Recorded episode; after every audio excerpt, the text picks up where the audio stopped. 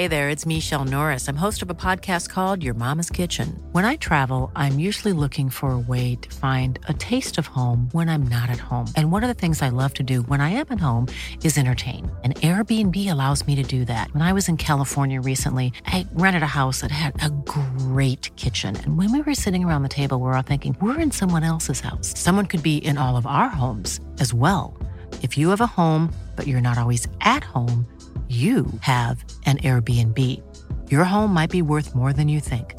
Find out how much at airbnb.com/slash host. Hey, it's Ryan Reynolds, and I'm here with Keith, co star of my upcoming film, If, only in theaters, May 17th. Do you want to tell people the big news? All right, I'll do it. Sign up now and you'll get unlimited for $15 a month in six months of Paramount Plus Essential Plan on us. Mintmobile.com slash switch. Upfront payment of $45 equivalent to $15 per month. Unlimited over 40 gigabytes per month. Face lower speeds. Videos at 480p. Active Mint customers by 531.24 get six months of Paramount Plus Essential Plan. Auto renews after six months. Offer ends May 31st, 2024. Separate Paramount Plus registration required. Terms and conditions apply if rated PG. Voor je gaat luisteren, eerst nog even dit. Financieel goedkoop, Ja. maar emotioneel duurkoop. Ja, dit snap Dit ik herken heel ik wel. goed. Ja, oh, jij herkent het zeker. Had je dat laatst eigenlijk in dat, in dat kleine boshuisje... wat je voor 20 euro per nacht had gehuurd? Oh, toen had je nee, het niet. nee, maar ik hou wel van krappe ruimtes. Ja, precies. Jij vindt Spartaans ook leuk. Maar wanneer had je dat dan wel bijvoorbeeld? Aaf en Vincent hebben het over hun favoriete ruilmiddel. In Over Geld praat je niet.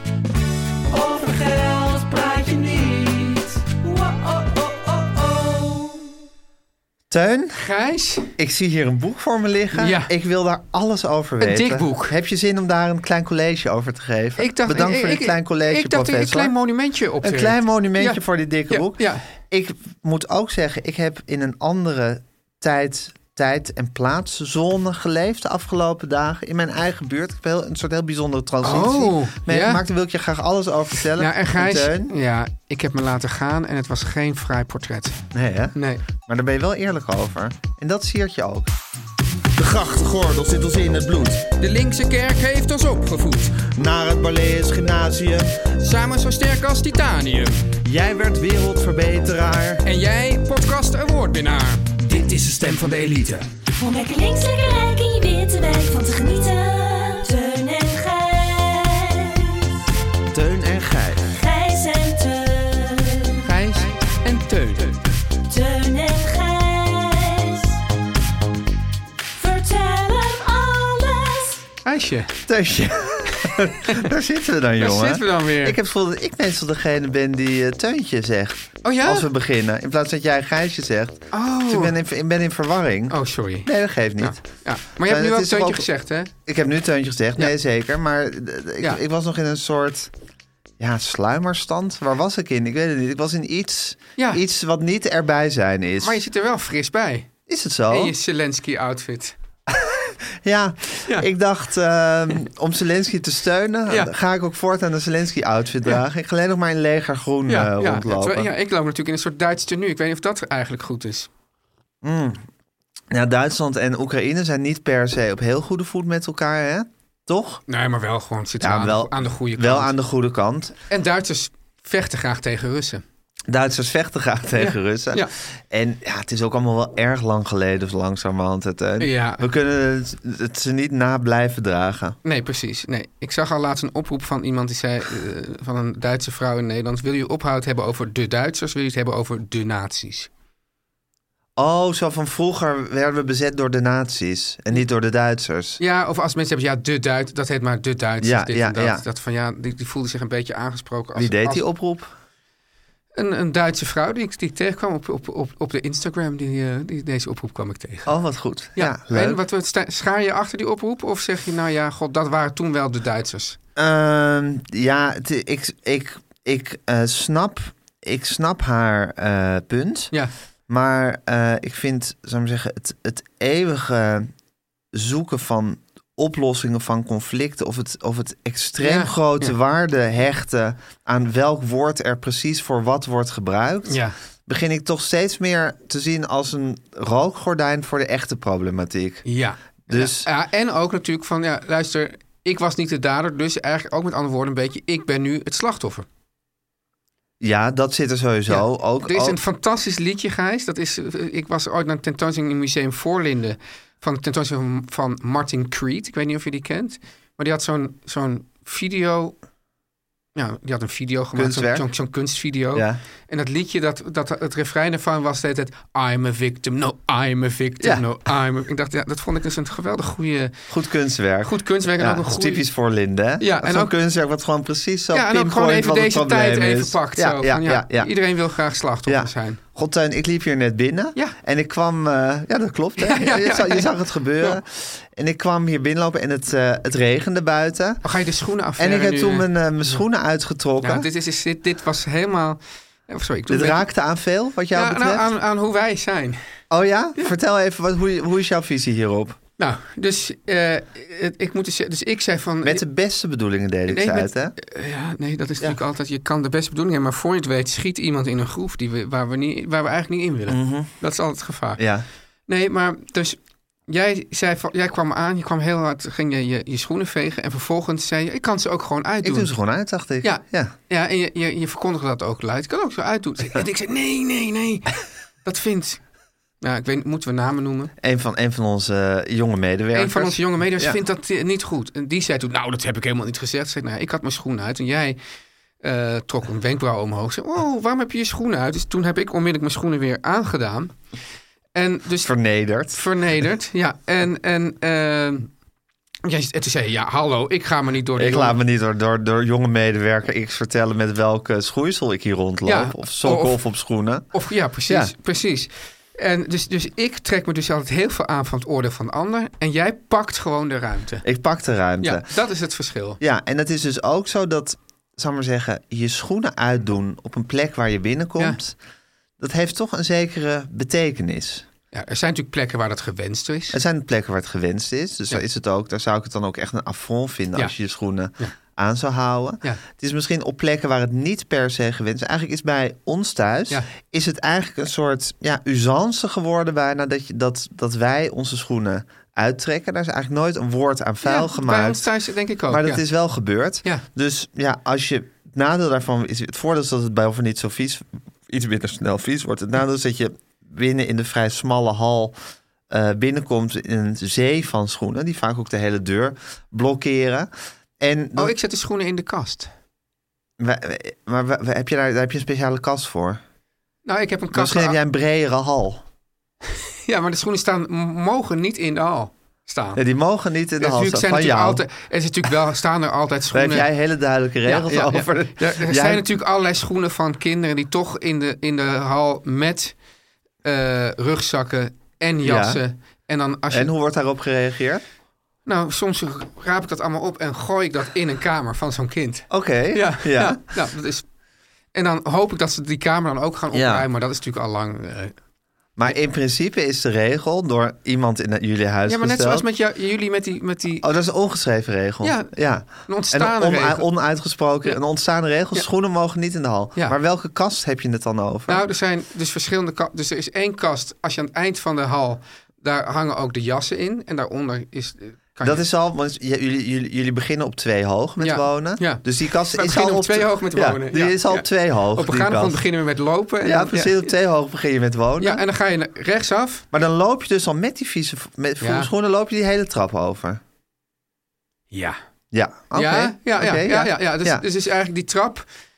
Ja, dat is dus meer een soort. Een soort hele lange deurmat. Ja, ja je lange deurmat. Een, een, er, zit, er zit, ligt ook nog een echte deurmat onder. Maar eigenlijk dus het, de definitie van het huis, van we zijn thuis, Ja. die gaat eigenlijk pas van kracht zodra je boven En bent. dan gaan de schoenen uit. Ja. Ah, en jullie willen de trap schoonhouden, ongeschreven. Nou, we willen de trap schoon hou- houden. En elke halsituatie is bij ons echt vrij smal. Ja. Dus ehm, ja, ik zou... De hal is smal. Ja, je zou, we, hebben, we hebben wel in de, in, de, in de hal waar wij beginnen met wonen... want wij Ja. beginnen op één hoog Ja. met wonen... hebben we wel een soort kast, maar dat is zo de meterkast. Ik, zou daar niet, ik zou er geloof niet dat we daar nog schoenen... er staat zo de timmerkist. Ja. Daar kunnen geen schoenen bij. Maar het is dus zo dat... Zie je, alweer leer ik allemaal dingen over jou. ja, hè? Ja. En zo blijven we leren Ja, van ja. elkaar. Een leven lang leren. Een leven lang leren van elkaar. Ja. En van elkaar houden. Ja, zeker. Maar ehm, het is dus zo dat ook, eh, we raken hier nu aan kleine huiselijk leed. Dat, dat Oh ja. zal ik maar zeggen, waar ik mijn schoenen zet beneden in de hal. Bij ons is de usance om ze beneden in de hal uit te doen. Ik kom nu een soort Papa was a Rolling Stone-achtig verhaal. Wherever he laid his head was his home. Ja, precies. Dat. Ik, dat, ik, dat ik te achterloos mijn schoenen midden op de ja, deurmat neerzet. Waardoor als je de deur Oh, open doet, ja. wrik je eigenlijk zo tegen mijn schoenen aan en blokkeren ze de deur. Dat heb ik met een fietspomp wel eens. ja. En die kan dan ook zo omvallen dat je die deur echt bijna niet open krijgt. Dat je echt, dat je echt buitengesloten bent. Ja, Ja. precies. Dus ik heb echt wel ook een reprimande gekregen Oh, van, van iemand. van iemand. Eh, ik zal verder geen namen noemen. Ja. Van Gijs. Niet die schoen. Dus nu leg ik ze altijd op een soort stapel die er is. Oh ja. Een onhandige, soort omvallende stapel van, van, van schoenen. Ja. Het is een lastige situatie. Oké, en Gijs, Maar het ding is, wat Ja. ik wil zeggen, want ik wil zeggen, het, je schoenen uitdoen betekent iets. Als je nu bij ons op Oh bezoek zou komen, hè, jij bijvoorbeeld, dan zie je van, oh, in dit huis worden Hmm. schoenen uitgedaan. Hè, want er, er staat een zee, een zee van schoenen. volgens mij heb ik nog nooit mijn schoenen bij jou uitgedaan. Nee, maar als je dat dus wel zou doen, Ja. zou dat een soort teken van, Respect. ne- ja, een soort nederig respect vind ik dat. Oh, maar dat is wel een soort nederig respect dat helemaal bij mij past dus. Ja, Ja. ik denk ook dat jij er misschien heel goed bij zou voelen als je, als je die schoenen dus, uit zou maar je vindt het dus eigenlijk... Je kijkt een beetje op mensen neer die dat dan doen dus. Nee, ik kijk helemaal niet op ze neer. Nee. Maar ik weet wel van, ze komen hier met een nederig respect binnen. En ze komen hier niet, ja, zoals ik, de ruimte vullen. Maar- Terwijl ik dus juist hier de ruimte ging vullen Ja. door mijn schoenen uit te doen. Terwijl, ja, maar dat komt ook omdat ik... ik Nathalie vertelde me wel eens dat ze, dat ze vroeger nog... Toen ze nog ergens op een kantoor werkte... dan had ze dan een chef die er altijd de schoenen uitdeed. Ja, Dus, dus dat heb je, had je bij de VPRO had je dat ook wel eens. En dan dacht je, "Goh, doe nou toch normaal, man. Hou gewoon je schoenen aan. Ja. En, en nou denk ik van... En, en, dus als, als die medewerker X dan zegt... eh, Nou, die zegt, die beweert dus dat het niet... Zo'n angstcultuur hebben we al. Dat mensen niet eens durven zeggen... Ja, ja, dat zei ik. Nee, Ja. nee ik zei niks. ja. Maar als die medewerker X de, de wenkbrauw omhoog haalt... Als jij vervolgens dan gewoon met je schoenen... Zo met je blote voet... Nou, nee, op sokken gaat... sokken, Dan ja. denk ik ook even aan, aan die oude baas van, van, van ja. Van En die denk- komt hier op zijn eigen kantoor binnen. ja, nou, Ja. dat was niet eens. Dat was natuurlijk wel gewoon de VPRO, was dat dan. En er was dan gewoon een eindredacteur of zo. En die liep dan... Op zijn sokken. Ja, nee, dat was bij, maar bij haar was dat dan een ander bedrijf. Ja. Dat je toch denkt van, joh, je bent hier niet thuis. Ja, Dat is ja, een beetje, dat, dat is die lijn. Ja, het heeft iets heel huiselijks Ja. om je schoenen uit te Ja. doen. En het is misschien niet echt gepast dat ik dat hier op kantoor ja. doe. Het is bijna een soort onveilige werksituatie creëer ik. Ja. ja. Ja, dus het is ook in dit geval, dus als ik op kantoor mijn schoenen uitdoe, is het geen, doe, is het geen gedienstige, nederig, Nee, respect. het is ook een beetje van, dit is mijn kantoor. Mijn kantoor, ik loop hier op mijn sokken wat ik wil. Ja. ja maar het is, het is Terwijl Ja. Gijs, ik zit nu ook hier aan de tafeltje zonder schoenen. echt waar. Ja. Maar dat vind ik dus anders, want dat merk je dan eigenlijk niet. En dat zit gewoon nu... Dan ben je echt onder ons. Nu- en voel hier is ook een sowieso soort- een veilige En werksfeer. bovendien wil ik gewoon net zoals Frissel Sissel... wil ik als ik aan het werk ben de aarde voelen. Ja, alles heeft een ritme. Ja. hey, en Teun, Ja. het is wel zo dat hele schoenen aan, schoenen uit... het is ook in de hele Arabische wereld... is er ook enorm met tekens van respect. Ja, Ja, ja in zit- Scandinavië ook altijd schoenen uit als je ergens bij iemand binnenkomt. Ja. Maar als je dat dan ook, ook dat weer weet... Kijk, ook net zoals met, met dat bijvoorbeeld hoeveel kussen geven. Nou, dat is een totale onduidelijke situatie ontstaan. Ja. hier. Als je het nou maar weet, dan is het, weet je wel... Hier in huis doet mensen schoenen uit. Nou, Ja. Dan doet iedereen dat. Ja. En, en dan weet je ook van, oh, ik ga naar, naar, mensen waar de schoenen uit moet even mijn sokken controleren. Want dat is natuurlijk heel vervelend als er zo'n teen Ja, zo'n teen doorheen steekt. Ja. Wat ik sowieso heel vervelend vind trouwens. Dat voel je de hele dag. Ja, Het is een soort één variant minder van een steentje in je schoen. Ja, en het grappige is, dat voel je dus de hele dag. Je weet ook al als je hem aantrekt. En dan denk je, ja, ik ben te lui om een nieuwe Ja. aan te trekken. En daar word je dan de hele dag voor gestraft. Ja, daar word je de hele dag voor gestaan. Wees niet lui. En sterker nog, Ja. je hebt zelfs ook een soort ja, weerzin in de zin van zonde om die sok weg te gooien. Ja. Dat je toch denkt van, ja, maar weet je wat ik dan aan het doen? Ik dubbel vouwen. nee, Oh. ik maak het gat meteen heel groot. Een soort zonde. Nee, dan, en dan, dan moet ik hem wel weggooien. Oh, om jezelf te dwingen Ja, om het... ja. om- Jezus, Ja. Wat, wat zit je als mens toch raar in elkaar dat je dat soort dingen nodig hebt om iets heel simpels te doen als Ja. een sok weggooien. Dat is wel zo. Ja, Teun Gijs. Ik zie iets geks bij jou staan. Ja, dat was, ja, eigenlijk, ik, het is een verhaal van niks dit, want ik heb, ik heb er verder niks meer, maar ik moet het toch even met je delen, omdat Ja. het zo uitzonderlijk was. Maar er was ineens, ja. ja, het zal langer voorbereid zijn geweest, maar ik had er eigenlijk geen weet van. Dat was ineens ja, bij wat wij het sportpark noemen. Dus dat is zeggen bij de Jaap Edebaan. Dat is Ja. vlak bij ons om de hoek. Oh, ik, Daar- ja, daar ik zag een- allemaal van die, die mensen eh, met, met hesjes de weg... eh, Ja, daar was ineens een soort ja, rave festival Ja. of een house festival. Ja, misschien dat, dat onze regisseur Lennart precies weet wat er, wat er zich afspeelt. Nee, weet hij niet. Oh. Maar goed, iets waar... Die, waar was al, die was al ergens anders. op- was al ergens anders zich aan het, aan het vermaken. Ja. Zoals ik maar zeggen, ja, een groot festival Ja. waar ik, en dan moet ik, moet ik de gemeente complimenteren, niks van gehoord heb. Terwijl het speelde zich bij mij om de hoek af. Maar ik heb er geen, geen noot of geen basdreun heb ik, heb ik gehoord. Blijkbaar was het ergens... was, het was een silent house feest. Blijkbaar, misschien hadden die mensen koptelefoons. Maar er stonden dus overal voor de ingangen van de buurt eigenlijk... Ja. stonden er inderdaad mensen met gele hesjes verkeer tegen te houden. Terwijl Ja. blijkbaar geen verkeer. Als buurtbewoner mocht je er gewoon doorrijden. Mag ik naar huis? En dan zeiden ze ja, natuurlijk. Oh, Ja, dus, dus dat is, wel, dat is een goed paswoord. Ja, maar het fascinerende was dat de hele buurt ineens eh, vergeven was van...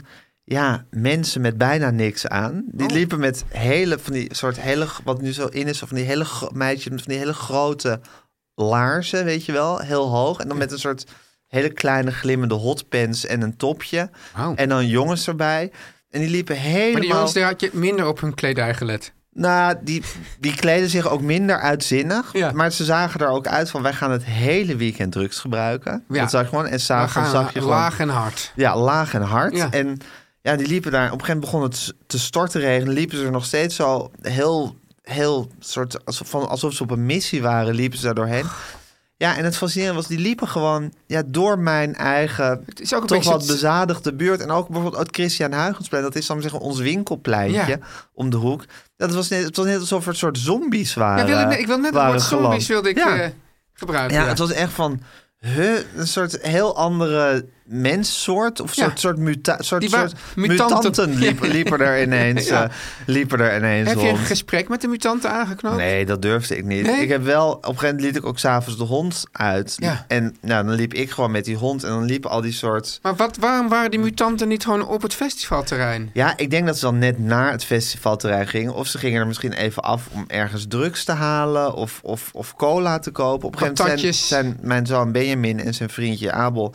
zijn nog met, met, met een coolbox met, met, met Red Bull en met water daarheen gegaan... om dat voor gifgeld te verkopen. Ze hebben 5 euro winst gemaakt. Dat viel een beetje tegen. Ja. Ja, ehm, dus, maar er was, ja, de, buurt was, de buurt was overgenomen. Ja. En ik moet zeggen, wat, ja, Nou wat, ja. wat leuk om eens een keer heel wat anders te zien Ja, om ik je zou heen. eigenlijk zeggen, de buurt was niet overgenomen. Het is eigenlijk alsof er gewoon, eh, zoals jij het beschrijft, alsof er gewoon twee parallele stromen door de buurt Ja, liepen. alsof er twee, twee Ja. werelden waren. Ja. Maar ik dacht, ik moest gek genoeg heel erg denken aan de tijd dat onze badkamer verbouwd werd.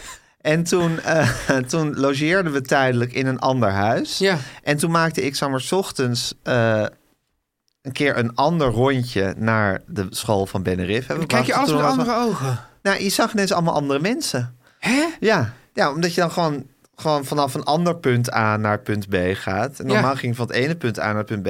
En zonder dat je het weet, zie je eigenlijk altijd hetzelfde. Dus je ziet eigenlijk nooit een verrassend Zonder dat je iemand. het weet, zie je altijd hetzelfde. Zonder dat je het weet, zie je altijd hetzelfde. Ja. En als je dus ineens vanaf een ander ja, generiek punt, je eigen generieke... zie je gewoon andere mensen Maar Gijs, is hun ook- forense eh, dag beginnen. En dan denk je ineens van, oh ja, dit, is, dit voelt ineens heel fris en anders. Ken je ook het fenomeen de walk of, the of shame? Jazeker. Ja, maar dat is, dit is natuurlijk ook bijna een soort omgekeerde walk of shame. Of, Kan je even voor de mensen die niet weten uitleggen wat de walk of shame is? nou, de walk of shame is dat je gewoon heel laat en lang uitgaat. En dat Ja. je dan in, in, in een soort vieze uitgaanskleren eh, weer aan... Nou, dat je eigenlijk gewoon doorgaat. Ja. En dat in de tussentijd andere mensen gewoon naar hun kantoor gaan. Oh, ik heb het eigenlijk altijd als, eh, als na een one-night stand eh, gezien. Nou, dat kan ook. Ja, dus Dat, je dan, dat je dan van, van, je, van je one-night stand... dat je dan Ja. nog helemaal in je uitgaanskleren ja, zo... precies. Maar het, maar het gaat mij in ieder geval om het moment van de confrontatie... dat Ja. jij nog in je zweterige uitgaanskleren Ja. bent. Ja, En dat, je, en, dat je dan, en dat andere mensen dan gewoon in hun, in hun nette kleren ja naar hun werk gaan. Ja, het is een soort, soort confrontatie van, van twee Ja, het moet natuurlijk een one-night stand zijn, want anders was je heus wel thuis geweest om je weer nieuwe schone kleren aan te doen. Maar in ieder geval, of je bent gewoon de hele ja, nacht en dan is de doorgegaan. shame, Ja. dan is de shame misschien minder. Ik bedoel, als je alleen maar bent door... Dit Ja. heeft toch iets van... Oké, dan moet je 's ochtends weer naar je eigen huis Ja. in je kleren. Ja. Maar goed, los ervan, het gaat erom dat, je eigenlijk, dat er eigenlijk twee tijdzones Ja. of twee leefwerelden zich met elkaar confronteren. Ja. Maar dat kan je op microniveau doen. Dus ook gewoon een tijdje in een ander huis. Doe in dat een andere mensen. straat. Gewoon. Ja. En je, ja, je ziet de wereld als nieuw Maar voor is het je. ook een, eh, bijna een maatschappelijk pleidooi van jou, Gijs? Om dat te doen. Nou, omdat je, Nou- we zitten natuurlijk allemaal in die bubbels. We zien altijd hetzelfde zonder dat we het merken. Ja, maar het grappige is dus dat toen onze badkamer verbouwd werd... je zit nog steeds in dezelfde bubbel. Ik bedoel, het is niet zo dat, Oh. ik, dat ik ineens, ineens eh, in een of andere volkswijk zat of zo. Ja. Dat gewoon in onze eigen bezadigde waren. Maar gewoon een paar straten verder. Maar die ravers. Ja, die ravers wel. Ja. Maar goed, Ja, ja. hoe organiseer je dat? dat organiseer je niet. Nee, dat krijg je niet georganiseerd. Het gaat erom dat je gewoon, dat je gewoon in, een, in, een, in een routine zit... Ja, zonder dat je dat precies beseft. ja. En eh, als je daar heel even uitgehaald wordt door iets externs... kan dat wel heel verfrissend Maar dacht je zijn. dan van, ik wil nu ook bij die ravers horen? Of dacht ik ben blij nee, dat ik in ik dacht helemaal niet. zit? Ik wil ook bij de ravers horen. Maar ik dacht wel van, goh, wat leuk om eens wat anders te zien... dan altijd dezelfde mensen die ook hun hondje uitlaten. Ja.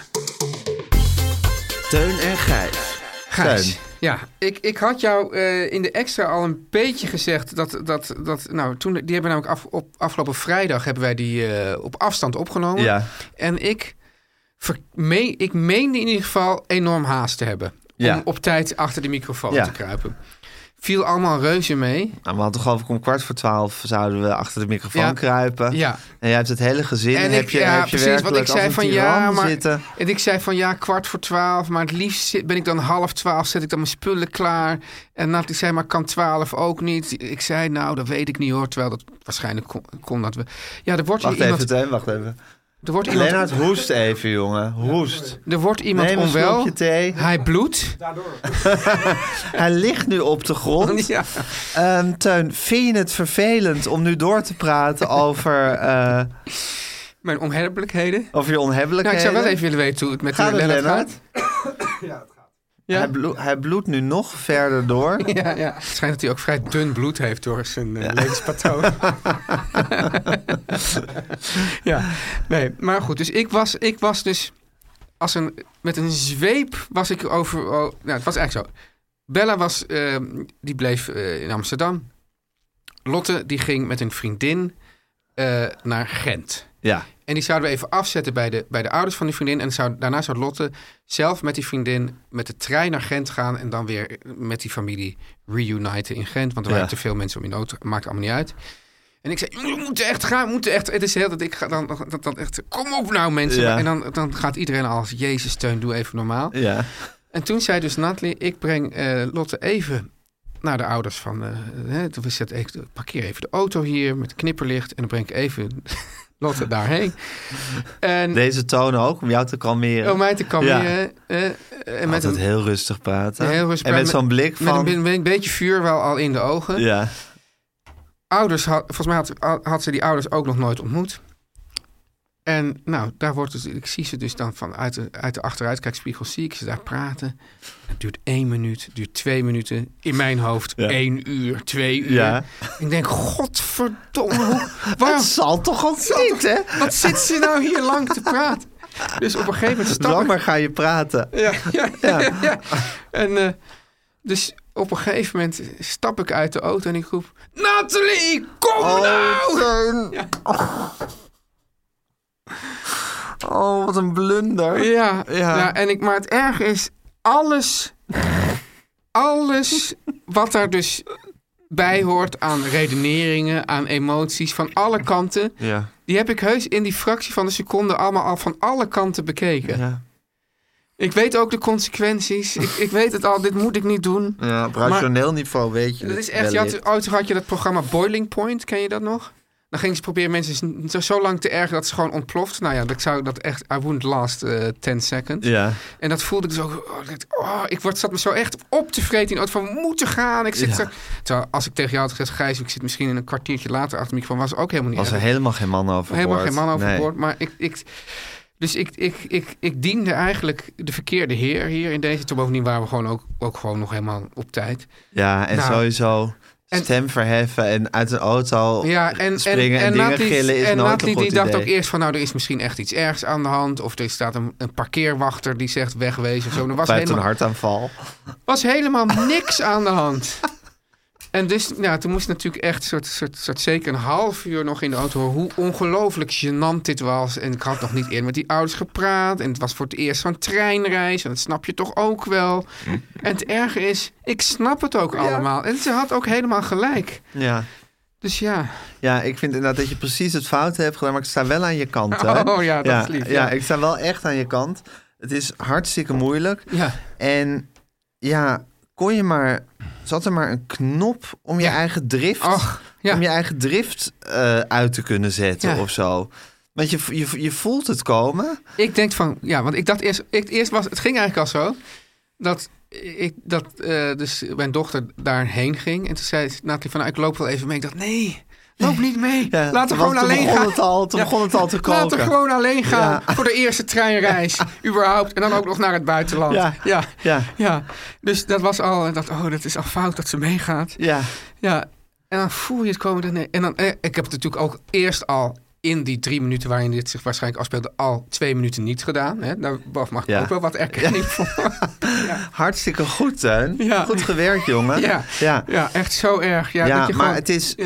Drift is zoiets wanstaltigs. Ja. Want het is eigenlijk altijd contraproductief. Ja. Het maakt altijd meer kapot dan je lief is. Ja. Je weet dat het fout is. Ja, Ehm, in de drift al. in de drift al. Ja, en, maar en, kan je niet ja, terug. het komt als een soort... Ja, als een soort aanval komt het over je heen. Ja. En dan is het gewoon niet meer te stoppen. En dan denk je nog, eigenlijk nog niet eens over hoe, hoe, hoe, wat een modderfiguur ik ten opzichte van die ouders heb nee, geslagen. dat is het probleem. Je denkt dan helemaal niks meer als nee, die drift nee, komt. maar dat, dat probeer ik zo, Of tenminste, een soort, soort ergens in je hoofd zit nog wel een soort pepernoot die weet van dit is allemaal fout. Ja, maar de rest van je hoofd staat in vuur en vlam. Het is ook zo dat ik dan denk van, nou god, het is misschien ook maar goed dat al die mensen uit het omveld zo snel mogelijk weten dat ik een rare kwiebus ben. is dat maar Je gewoon... houdt jezelf gewoon als rare kwiebus. Ja, van ja, ja, die Teun, ja. Deze man is ja, onhanteerbaar. dat is onhanteerbaar. Maar Teun, Ja. wat zijn we toch een onvolkomen wezens, hè? ja. Wat zijn we toch onvolkomen, hè? Ja, maar we willen toch wel, we willen toch wel iets volkomener zijn. Ja, het is Ja? een eeuwig, eeuwig gevecht om een beetje volkomen te Ja. worden. Maar we blijven maar onvolkomen. Ja, Ja, ja. Maar we blijven strijden, Teun. we blijven strijden. Teun en Gijs. Nu komt reclame. Teun, Ja. goed nieuws. Mag ik je even verblijden met goed nieuws? Ja, graag. Dat kan ik Wij wel gaan gebruiken. Nederland een boek laten herontdekken. Oh. Ja, en dat doe ik altijd heel graag. Ja. En wel, Teun, hou je vast, verboden schrift van de Italiaanse Alba de Cespedes. Maar de Cespedes? Ja, je zou zeggen, het is een Spaanse naam. Klinkt nee, Spaans. het is een Italiaanse. Ja. Het is voor het eerst uitgebracht in 1952, in Italië uiteraard. Ja. En nu opnieuw door Meridiaan uitgevers. Heel goed. En Ja. Gijs, ja, het is niet zomaar een boek. Want zouden wij ooit hier gewoon aandacht vragen voor zomaar een boek? Nee, tuurlijk nee. niet. En het is ook niet een zomaar een schrijver. Want Alba de Cespedes, Ja. Gijs, was een, een legendarisch figuur. Ja. Ik noem op. Ze was de kleindochter van de eerste Cubaanse president. Hè? Nou, ja, kom er maar eens op. punt. Ze was be- bevriend met Simone de Beauvoir en Natalia Ginsburg. Zo. Haar eerste roman viel ten prooi aan censuur vanwege het te zelfstandige... Er waren te zelfstandige vrouwelijke personages. Ja, dat kon helemaal niet in die tijd. Nee, maar ja, goed, eh, la- daar, daar, eh, kom, de Alba die, die, die, die, die eh, haalde daar, eh, draaide haar hand daar niet voor om. En haalde En- haar daar neus op. Ja, precies. Voor, voor die censuur. Voor die censuur. Ja. En Gijs werd ook nog eens vastgezet tijdens de oorlog vanwege haar rol in het verzet tegen het fascisme. Teun, ik vind het een ongelooflijk verhaal. Wat Ja, je me hier zit topvrouw die vertellen. Alba de Ja, Cespedes. zeker. En kijk, dat kan je allemaal meemaken Ja. en niet kunnen schrijven. Ja. Maar dan reken je buiten Alba de Cespedes. Ja. Want verboden schrift Ja. gaat over Valeria. Ja. En dat is een vrouw die een onopvallend leven, leventje leidt in de middenklasse te Rome. Ja, Sowieso een heerlijke arena, hè? Ja. Een, middenkla- een onopvallend leven in de middenklasse in Rome. Ja. Maar op een dag koopt ze een schrift en begint voor het eerst te schrijven. En na te denken over haar eigen verlangens en angsten. nou, ik, Gijs, ik wat kan- wij hier ook de hele ja, dag dat is, doen dat, in dat is ook Gijs. podcast. Ik denk Ja. ook dat onopvallende leventje, nou, dat, dat gaat ah. veranderen hoor. Ah. Ja, het boek Gijs is een echt tijdsdocument. En daar ben ik dus toevallig gek op. Ja. En was voor vele generaties een sleutelroman over menselijke relaties en vrouwelijke identiteit. Nou, heerlijke Ja. combinatie. En kreeg uitsluitend fantastische recensies. Ja, de Wall Street Journal, Journal mind you. Heb je er even op nageslagen? Daar heb ik er even op nageslagen. Die noemt het A Brilliant, Quietly Tumultuous Book. Ja. En NRC Ja. gaf het vijf ballen. Hey. Alle ballen die je kan krijgen Ja? van NRC, die gaf NRC dit nou, boek. kijk eens even. Het is echt een raadsel waarom het nog niet zo bekend is in nou, na Nederland. vandaag is het anders. Na vandaag is het anders. Koop dit boek. Als het niet voor jezelf is, is het misschien een hele leuke tip voor Moederdag. Ja. Verboden schrift van Alba de Cespedes. Om lekker links, lekker rijk in je witte wijk van te genieten.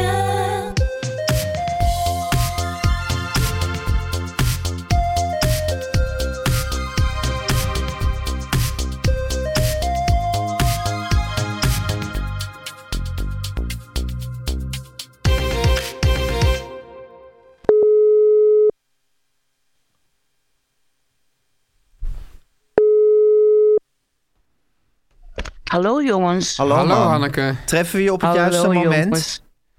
Ja, ik ga nu even de, het, het klaslokaal uit. Oh ja. ja. En ik, ik zit nu in de keuken. Hé man, twee dingen. We gaan zo meteen even Wim Keizer gedenken. Ja. Maar Ja. je was ook bij het theater Na de Dam Ja. op 4 mei. Ja. En er was, er, was Ja. een, er was een relletje. Nou, er was een relletje. Dat, het was zo'n ongelooflijk ingenieuze voorstelling. Waar ik heel erg van genoot. Maar een deel van het publiek snapte de dubbele bodem niet. Wat was het voor een voorstelling? Het was een voorstelling van, ehm, eh, geschreven door Bo Tarenskeen en gespeeld door ehm, Jacob Derwig met Lisa Vetschman, Ja. een cellist en een pianist. Dus een heel erg goed eh, trio Ja. van twee strijkers en een piano. En eh, het begon dat eh, eh, Jacob Derwig in zijn mooie pak opkwam en nogal ja, een beetje pompeus begon te vertellen over westerse cultuur en hoe waardevol en hoe in deze tijd, hoe je met muziek toch eigenlijk troost vindt. En nou ja, enfin, heel, nogal opgeblazen verhaal vond ik het. Een beetje dikdoenerig over kunst met een grote K. Ja. Nou, nadat hij te lang had gesproken, kwam het trio op. En die speelde deel 1 van, ik dacht iets van Brahms. Dat werd eigenlijk niet duidelijk Deel gezegd. 1 van iets van En- Brahms.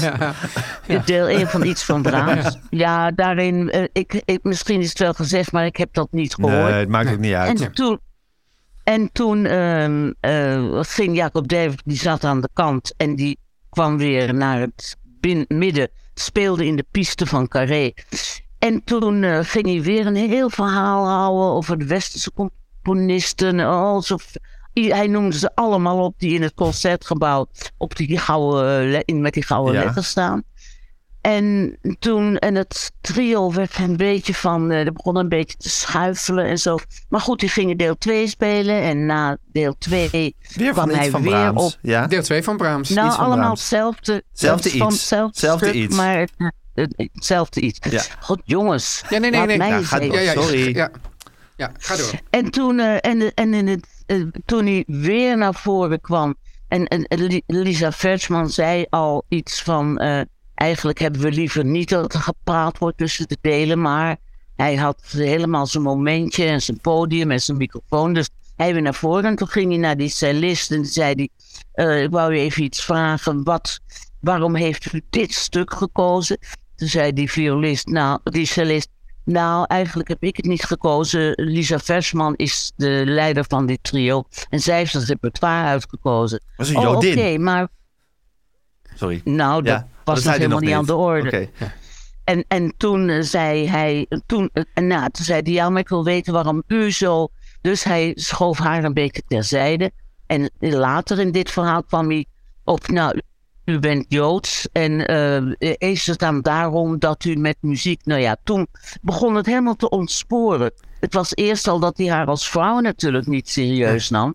En toen begon hij haar heel erg in de watten te leggen als Joods en muziek en kunst en dit en dat. Meer dan anderen. Nou ja, en toen begon er boven iemand te roepen van, eh, eh, weet ik veel, eh, iets van, ik, ik stond het niet, maar ik ben een Jodin of zo. Deze Jood En gaat, toen- las ik in de krant, geloof ik. Of deze Oh, zoiets, Jodin deze gaat. Jood gaat. Ja. Ja. ik heb dat niet zo goed kunnen verstaan. En toen stond er een heleboel mensen daarboven op. En om mij heen zaten ook al mensen die not amused waren. Weet je wel, die keken allemaal een beetje zuur. Terwijl ik me enorm amuseerde, want van begin af aan Was duidelijk. voelde je dat er iets helemaal fout zat met die man. Ja. Ja, en de, het, het, het ontspoorde. Hij werd niet echt een antisemiet, maar Oh. toch eigenlijk wel. Ja. En, eh, en een seksist en eigenlijk alles waar je een hekel aan hebt. Maar verpakte dat in een soort pompeus, Ja. intellectueel verhaal. Gekwezel. Nou ja, en op een gegeven moment eindig gekwezel en pedant en vervelend. Maar de mensen snapten het dus niet. Althans, de helft wel en de helft niet. Je zou toch bijna Dat zeggen dat die mensen die het niet snapten ook ingehuurd zijn. Een gedroomde Ja. reactie. Nou, dat dacht ik ook. Ik dacht, nou, dit is gewoon georganiseerd.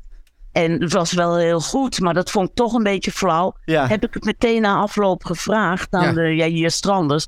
Die zei, nee, absoluut niet. Wij wisten ook niet wat er gebeurde. En het overviel ons. En, ik, ja, ik, ik las dat mensen ook gingen slow kl- klappen, toch, Hanneke?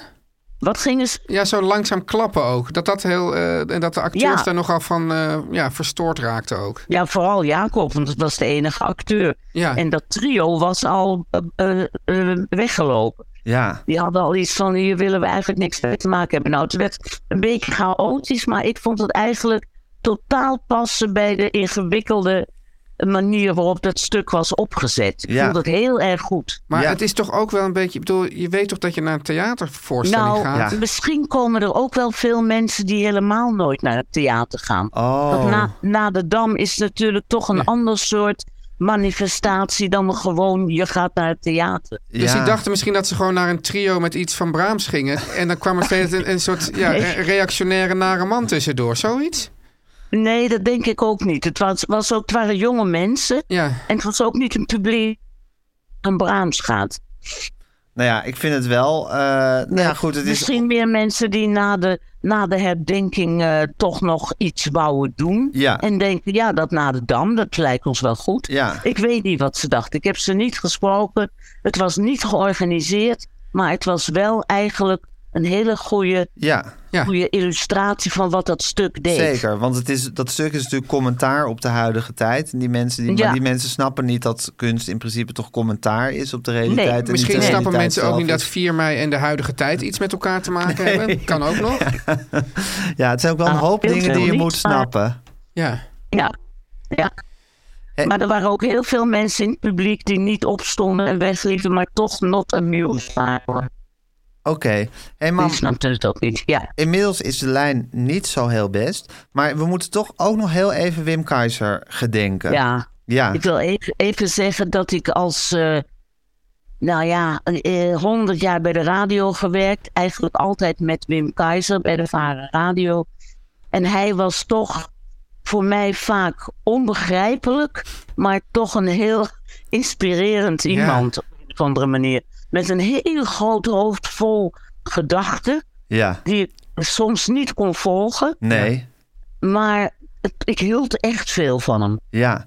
En ik, En heri- ik zat, ja. ja, ga jij maar. Nou, ik herinner me nog heel goed dat hij maakte dus vroeger samen met Tony Bouwmans, zijn vrouw, het programma ZI. ZI. Ja. eh, Ja. Zaterdagochtendinformatie. Ja, en ik Ja. weet nog dat jij dan altijd als, als zeker bij de, bij de uitzending over Annie E., hè, Ja. waar, eh, waar Ja. AFTH ook nog over schrijft. Maar dat jij echt als gekluisterd aan de radio Ja. zat en dat ik dan ook geen geluid mocht maken. Nee, Omdat nee. je zo ingespannen aan het luisteren was naar hun maaksels. Nee, je moest ook altijd ingespannen naar, naar hun luisteren. Het was, eh, hij, hij ging altijd dichterlijk boven mijn pet. Ja.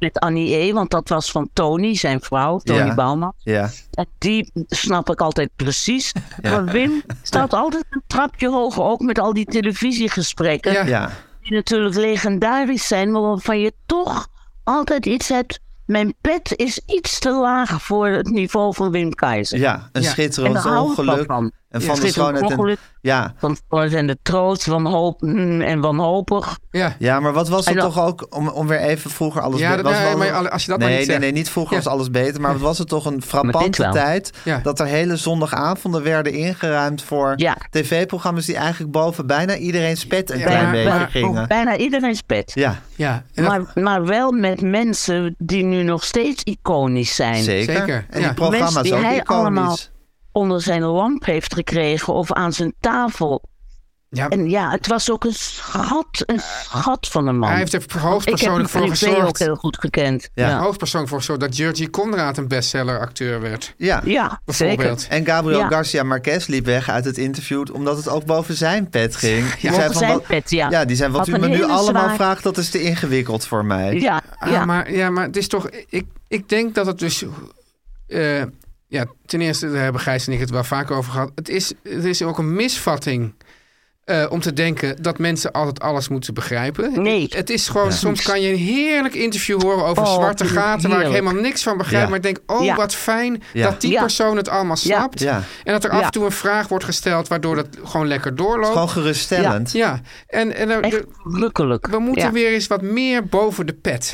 meer Juist. boven de pet. Ja, Ja, En dan was Wim Keizer dus ook nog een hele beminnelijke lieverd. Als ik, nou, ik heb hem trouwens ook wel meegemaakt nog. weet je eh, nog in. Frankrijk dat ja, hij op mijn verjaardag met zijn accordeon speelde? Ja, Ja, ja, ja ik zag hem eh, re- te weinig, maar heel regelmatig. ja. En je was dol op hem. Of Ik je was bent dol op op hem. Ja, Ja. het Ja. is toch En even goed een gouden ontzettend generatie. jammer en ook weer een levensles, Ja. Gijs. ja. Dat jij toch een paar maanden geleden zei... ja ik "God, had hem moeten interviewen. Keizer interviewen en Tony. Ja. En dat ik zei, je moet het doen, want... eh, Ja, kan elk moment te laat zijn.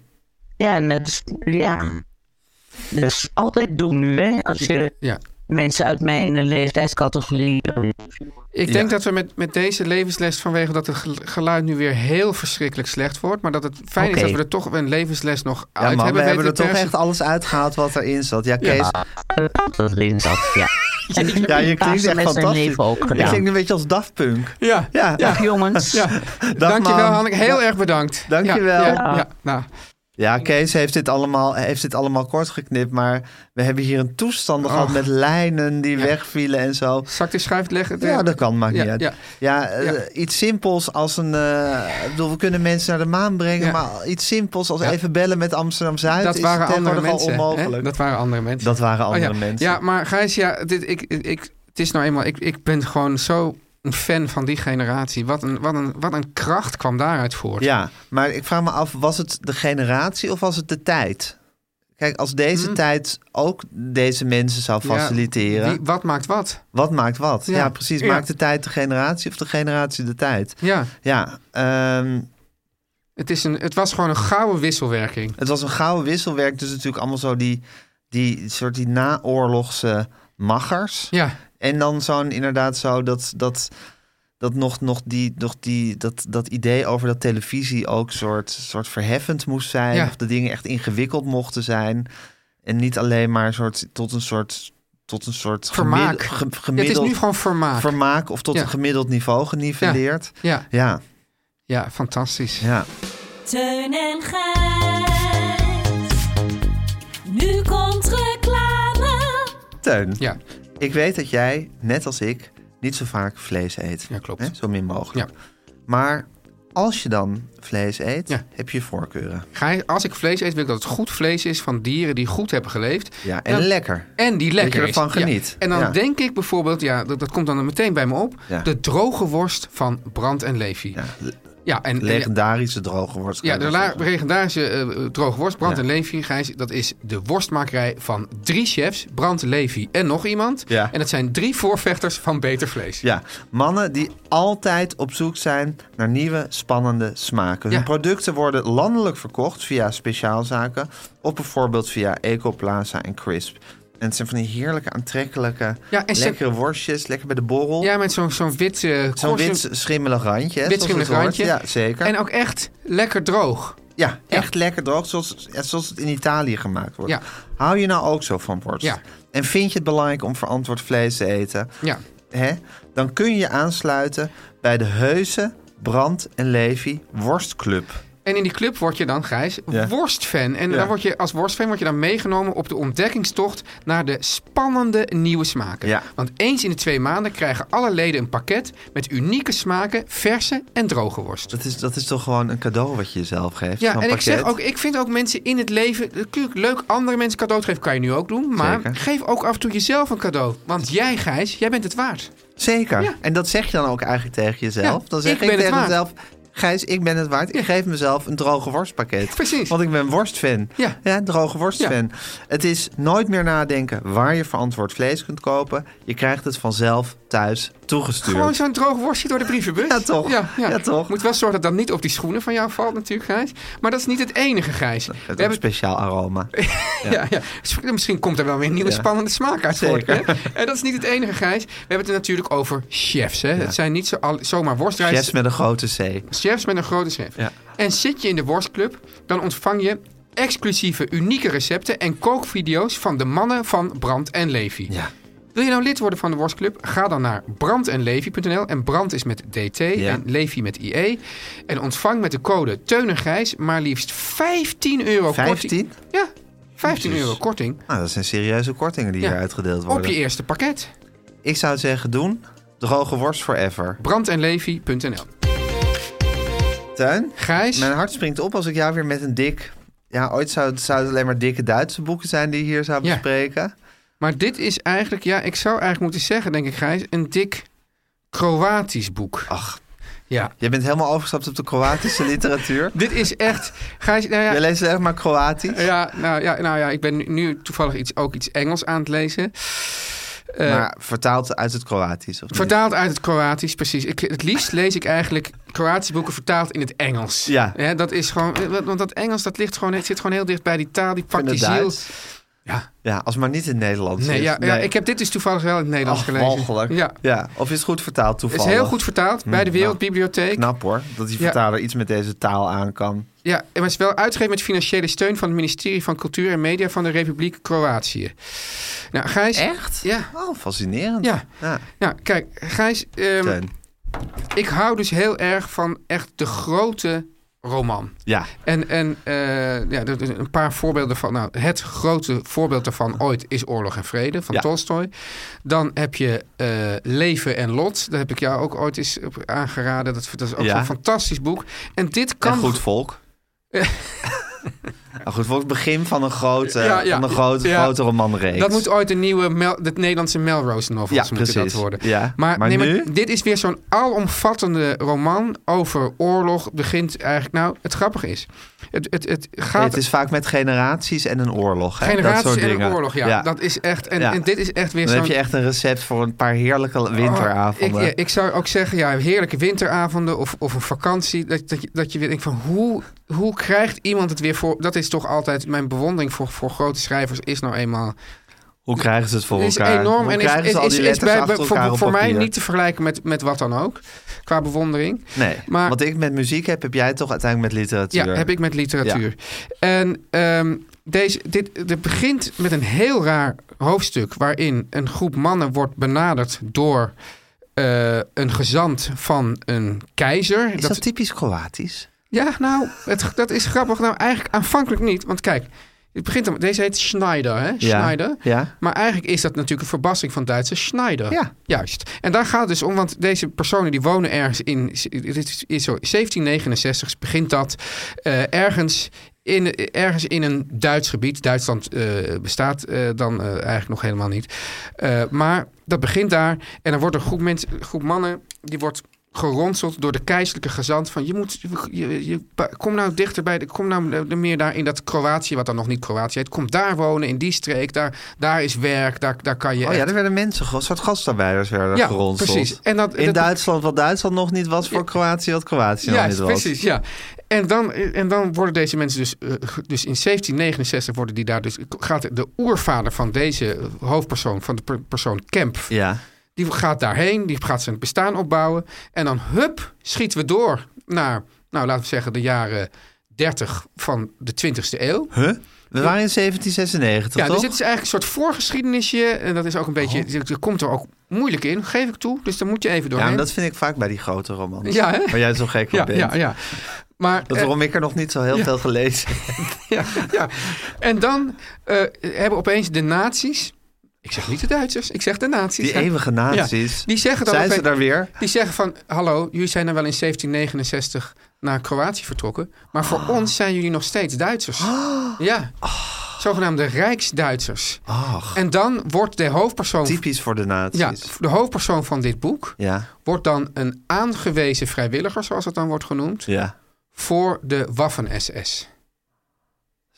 Ja, dus al, die, komt al- even, die komt wel even binnen, even. Dus dan Ja. worden dus al die, al die mensen die dus, die, die, dus, dus, dus zo, zo heten als Schneider of Kemp, hè, die hoofdpersoon. worden gewoon op, op, op achternaam worden ze ja, er wordt dan ergens nog wel, is, er staat er kennelijk vastgelegd. Ja, ja, dus eerst worden ze eigenlijk als, als gastarbeider geronseld in Kroatië. en, dan worden waarschijnlijk ze- een beetje met de nek aangekeken. En dan worden ze eigenlijk als kanonnenvlees weer geronseld door Duitsland. Ja, want het besef, ja, je eens een Duitser, altijd een Duitser, werd er gezegd. Nou, dan, dan, dan volgen we helemaal mee hoe die dan, mee, hoe die dan in die, die Waffen-SS meegaat. Op een gegeven moment moeten er mensen gefusilleerd worden. Daar, daar heeft hij helemaal geen zin in. Dus dan, dan gaat hij, eh geloof ik, rauwe aardappels eten en eh, is hij ziek. En nou, dan, dan hoeft hij dat dan niet mee te maken. En op een gegeven moment raakt hij, raakt hij verliefd op een Poolse vrouw die daar in het, in het eh, veldhospitaal werkt. En dan deserteert hij. Ja, ik wil, moet het, het is altijd een beetje, altijd een, beetje een, een, Een spel. een spel. Nou, Ja. voor ons met... met, Een met dunne lijn en een slapkoord. ja, tussen, wat tussen spoilers je? en niet. Ja. Maar waar het eigenlijk om gaat, is dat, dat deze man, die, die, die komt steeds weer... en uiteindelijk komen we, komt, komt natuurlijk hè, in het Kroatië... dat dan nog niet Kroatië is, maar wel Joegoslavië... Ja. komt hij dus komt hij daar terecht. En Ja. dan, dan komt- is, wordt er weer, is er weer een hele fanatieke eh, beweging van... Nou, eh, oh nee, ja, van, van eh, socialisme en een nieuwe maatschappij. En uiteindelijk we eindigen helemaal nog in de tijd van de Joegoslavië-oorlog ook. Dus Ja. is weer, inderdaad, zoals je zegt, veel generaties. En deze man is eigenlijk een, een, een... Hij is ook nog een dichter, maar hij zegt zelf van... Ja, ik ben natuurlijk een tweede garnituur dichter. Dat moet hij ook wel toegeven. Maar deze man, eigenlijk laat hij zich een beetje... Dus doordat hij bijvoorbeeld verliefd wordt, deserteert hij. Door, dus steeds... Hij, hij, hij eh, dobbert mee op de geschiedenis... Hmm. Maar eigenlijk niet omdat hij nou denkt van... nou, ik vind die nazi's heel slecht... of ik voel me nu een Nee, echte dat puur socialist. persoonlijke Ja, en, en, en dat dus, dus je hebt dus... krullen e- rulletjes. dus de, ene, ja, dus de ene lijn heb je van deze krullenmerulletjes. Ja. En dan heb je hele fanatieke mensen. Dan heb je nog de rattenvangers... die de hele tijd mensen Ronselen. ronselen... en, en, en mensen opvuren. Dat zijn allemaal lijnen in dit boek. het zijn allemaal lijnen in dit boek.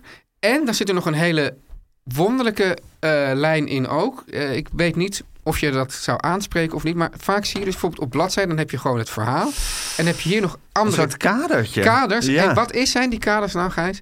Dit is de, dus dit is ook nog de, de, de- dus de hoofdpersoon die ontmoet op een gegeven moment ook een vrouw. Die heeft ook wat hoofdstukken, wel wat minder. Het is niet echt eh, zoals, verdeeld. niet zoals Oh. Cespedes zou dat anders aanpakken, Ja. denk ik. Maar dit is de, de, de, de, de toekom, het toekomstige kind. Dus, ja, dus er wordt ook. Die schrijft in kaders. Ja, dus er wordt af en toe wordt er geschreven vanuit. Dus, dus, dus, dus er blijkt dus een wereld te zijn van toekomstige kinderen. Ja. Die weten eigenlijk wie de ouders moeten zijn. Dit is eigenlijk een beetje wat er bij mij eh, op het Christian Huygensplein gebeurt. Dat er allemaal mensen uit verschillende tijdzones en leefwerelden elkaar ontmoeten. En deze toekomstige kinderen die hopen dus dat die ouders ook echt bij elkaar komen. En dan zie je dus steeds van, oh nu maakt het de kans of nu maakt hij een verkeerde keuze. Waardoor, en zegt, ja, we zijn nu helemaal niet moreel. Als het, als het voor onze geboorte beter is dat, dat die eh, bij wijze van spreken kampbewaarder wordt. Nou, dan moet het maar als wij dan maar geboren worden, hè, bij wijze van spreken. Dus dat de enige belang van het Kind kind is is... zoals ontdenken van de hemel.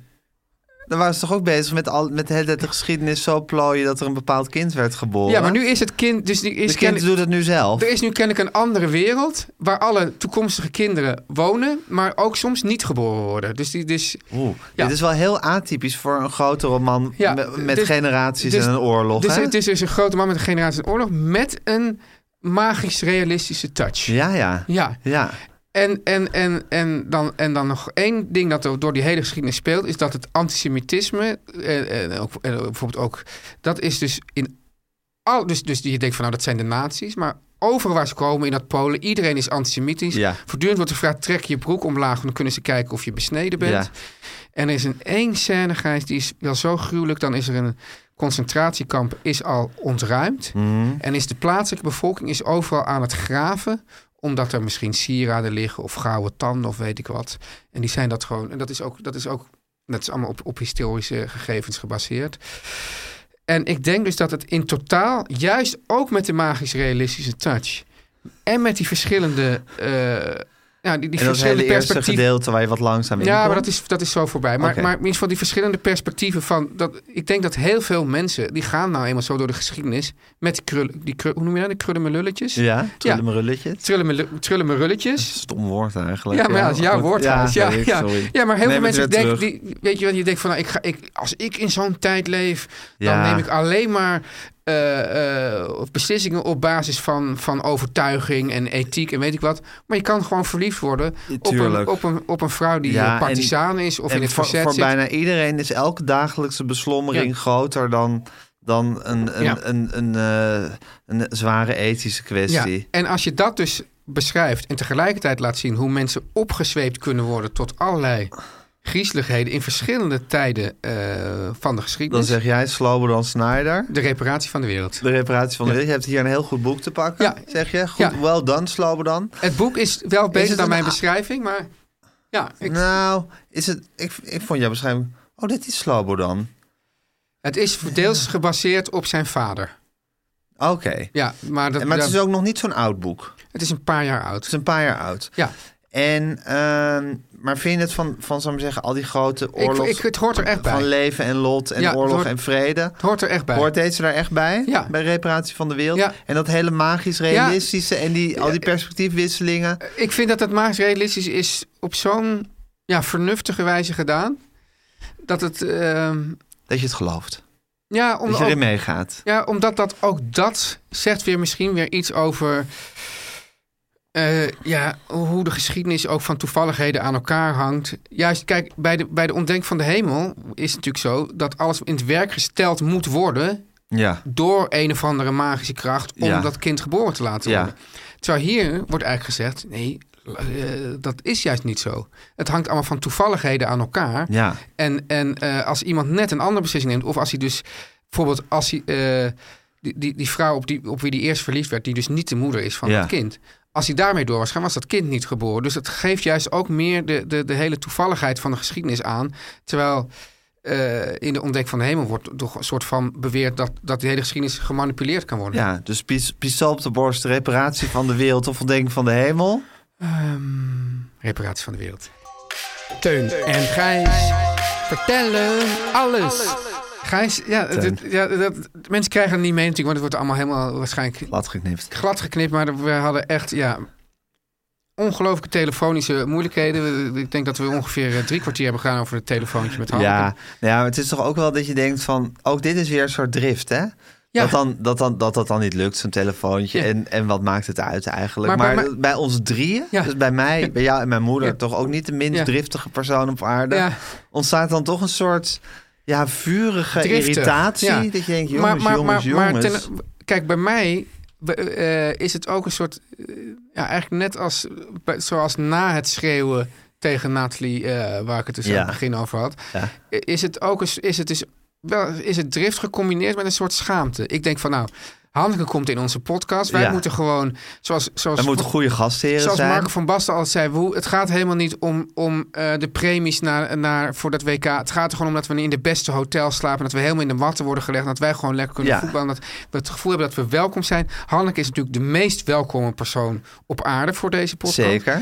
Maar dan moeten wij gewoon... eh, Voor een goede lijn voor zorgen. een goede lijn zorgen. Dus, dus het, is, het is niet dat ik Nee. ik- ik- ik- eh, ja, hoogst driftig op de apparatuur, maar ik weet ook niet op welke apparatuur. Maar vooral denk ik, oh, wat, wat pijnlijk. En dan elke keer stel je dan die vraag weer opnieuw. En elke keer hoop je dan van, nu gaat het goed. Ja. En dan gaat het dus, ja, ja ik vind inderdaad. En dan denk je, oh, ja, dat, dat voel je gewoon echt Ja, in je het is een lichaam. fysieke ervaring. is een fysieke ervaring. Ja, ja. ja. Maar ja, ik zou zo graag zo iemand willen zijn die dan helemaal kalm blijft en, en de zaak goed managt. En, Ja. eh, Oh. Gijs, ik kan me herinneren dat wij vroeger, toen wij radio maakten, dan had je zo'n zo'n ehm, technicus. ja. En sommigen die waren dus zo kalm, maar dat, het- dat je er ook gek van werd. ja, heel traag. Heel traag. En Ja. denk je van, kom op nou man, maak nou even... Of, of dat zeiden ze wel heel traag dat een knip niet kon. Ja, Weet je wel? Ja. Toen wij eenmaal Pro Tools leerden, was dat allemaal... Was dat allemaal zeker konden we zelf monteren. maar, maar dan ben je, dan, dan- je bent dan ook aan de goden overgeleverd. Dat is het ook, denk ik, een beetje. Die drift heb ik Ja, ook ik mee te herinner maken. me ook nog, Teun, dat we dan voor Teun, Teun Vuur Gijs door het land reden in, de, in mijn Citroën AX, de Teun Gijs Express. Ja.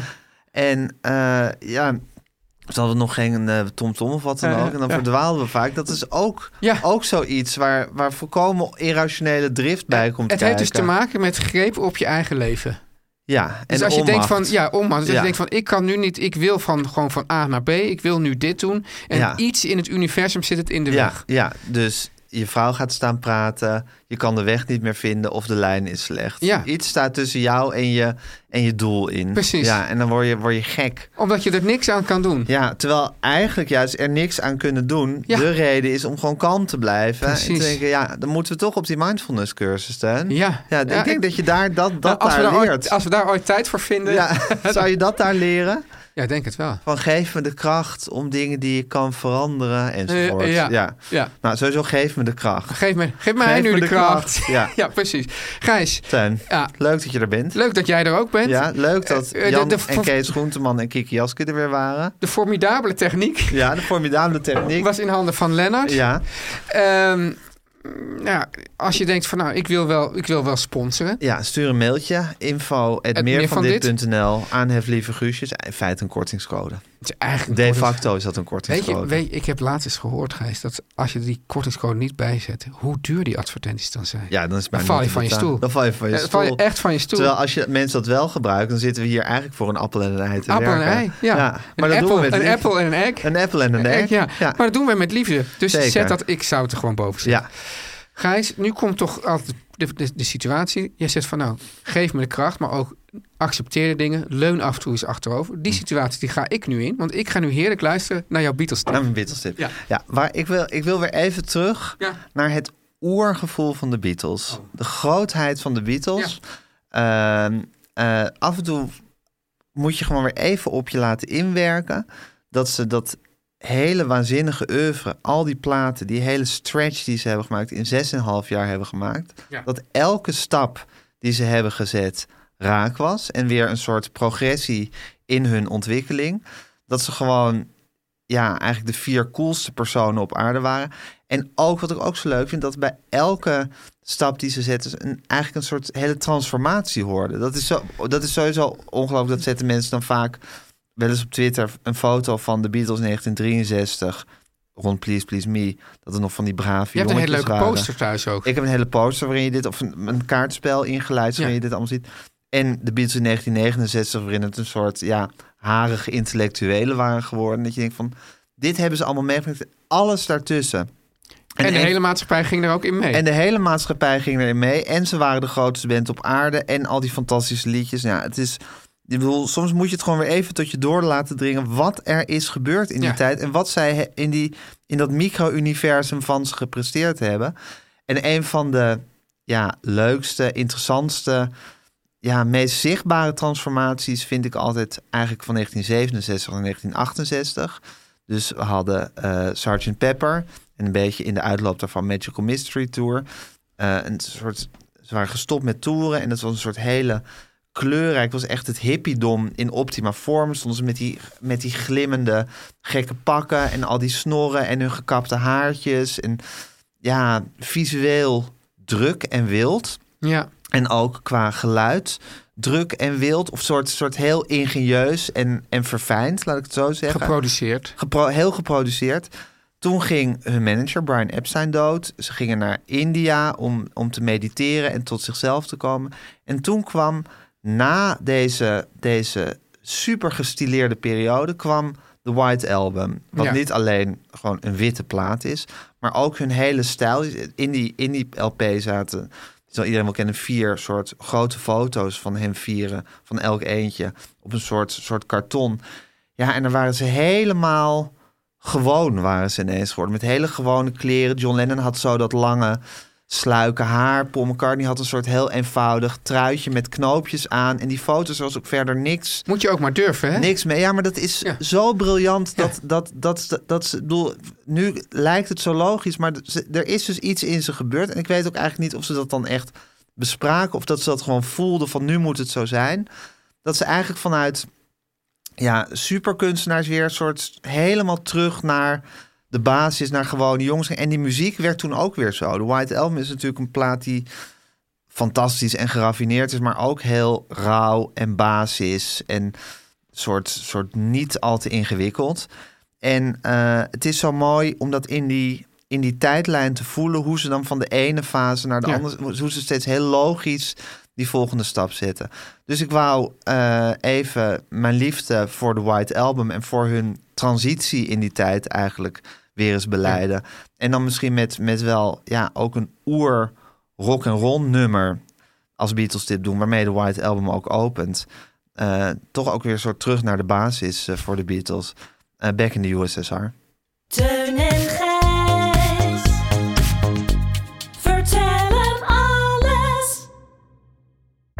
Meer van dit.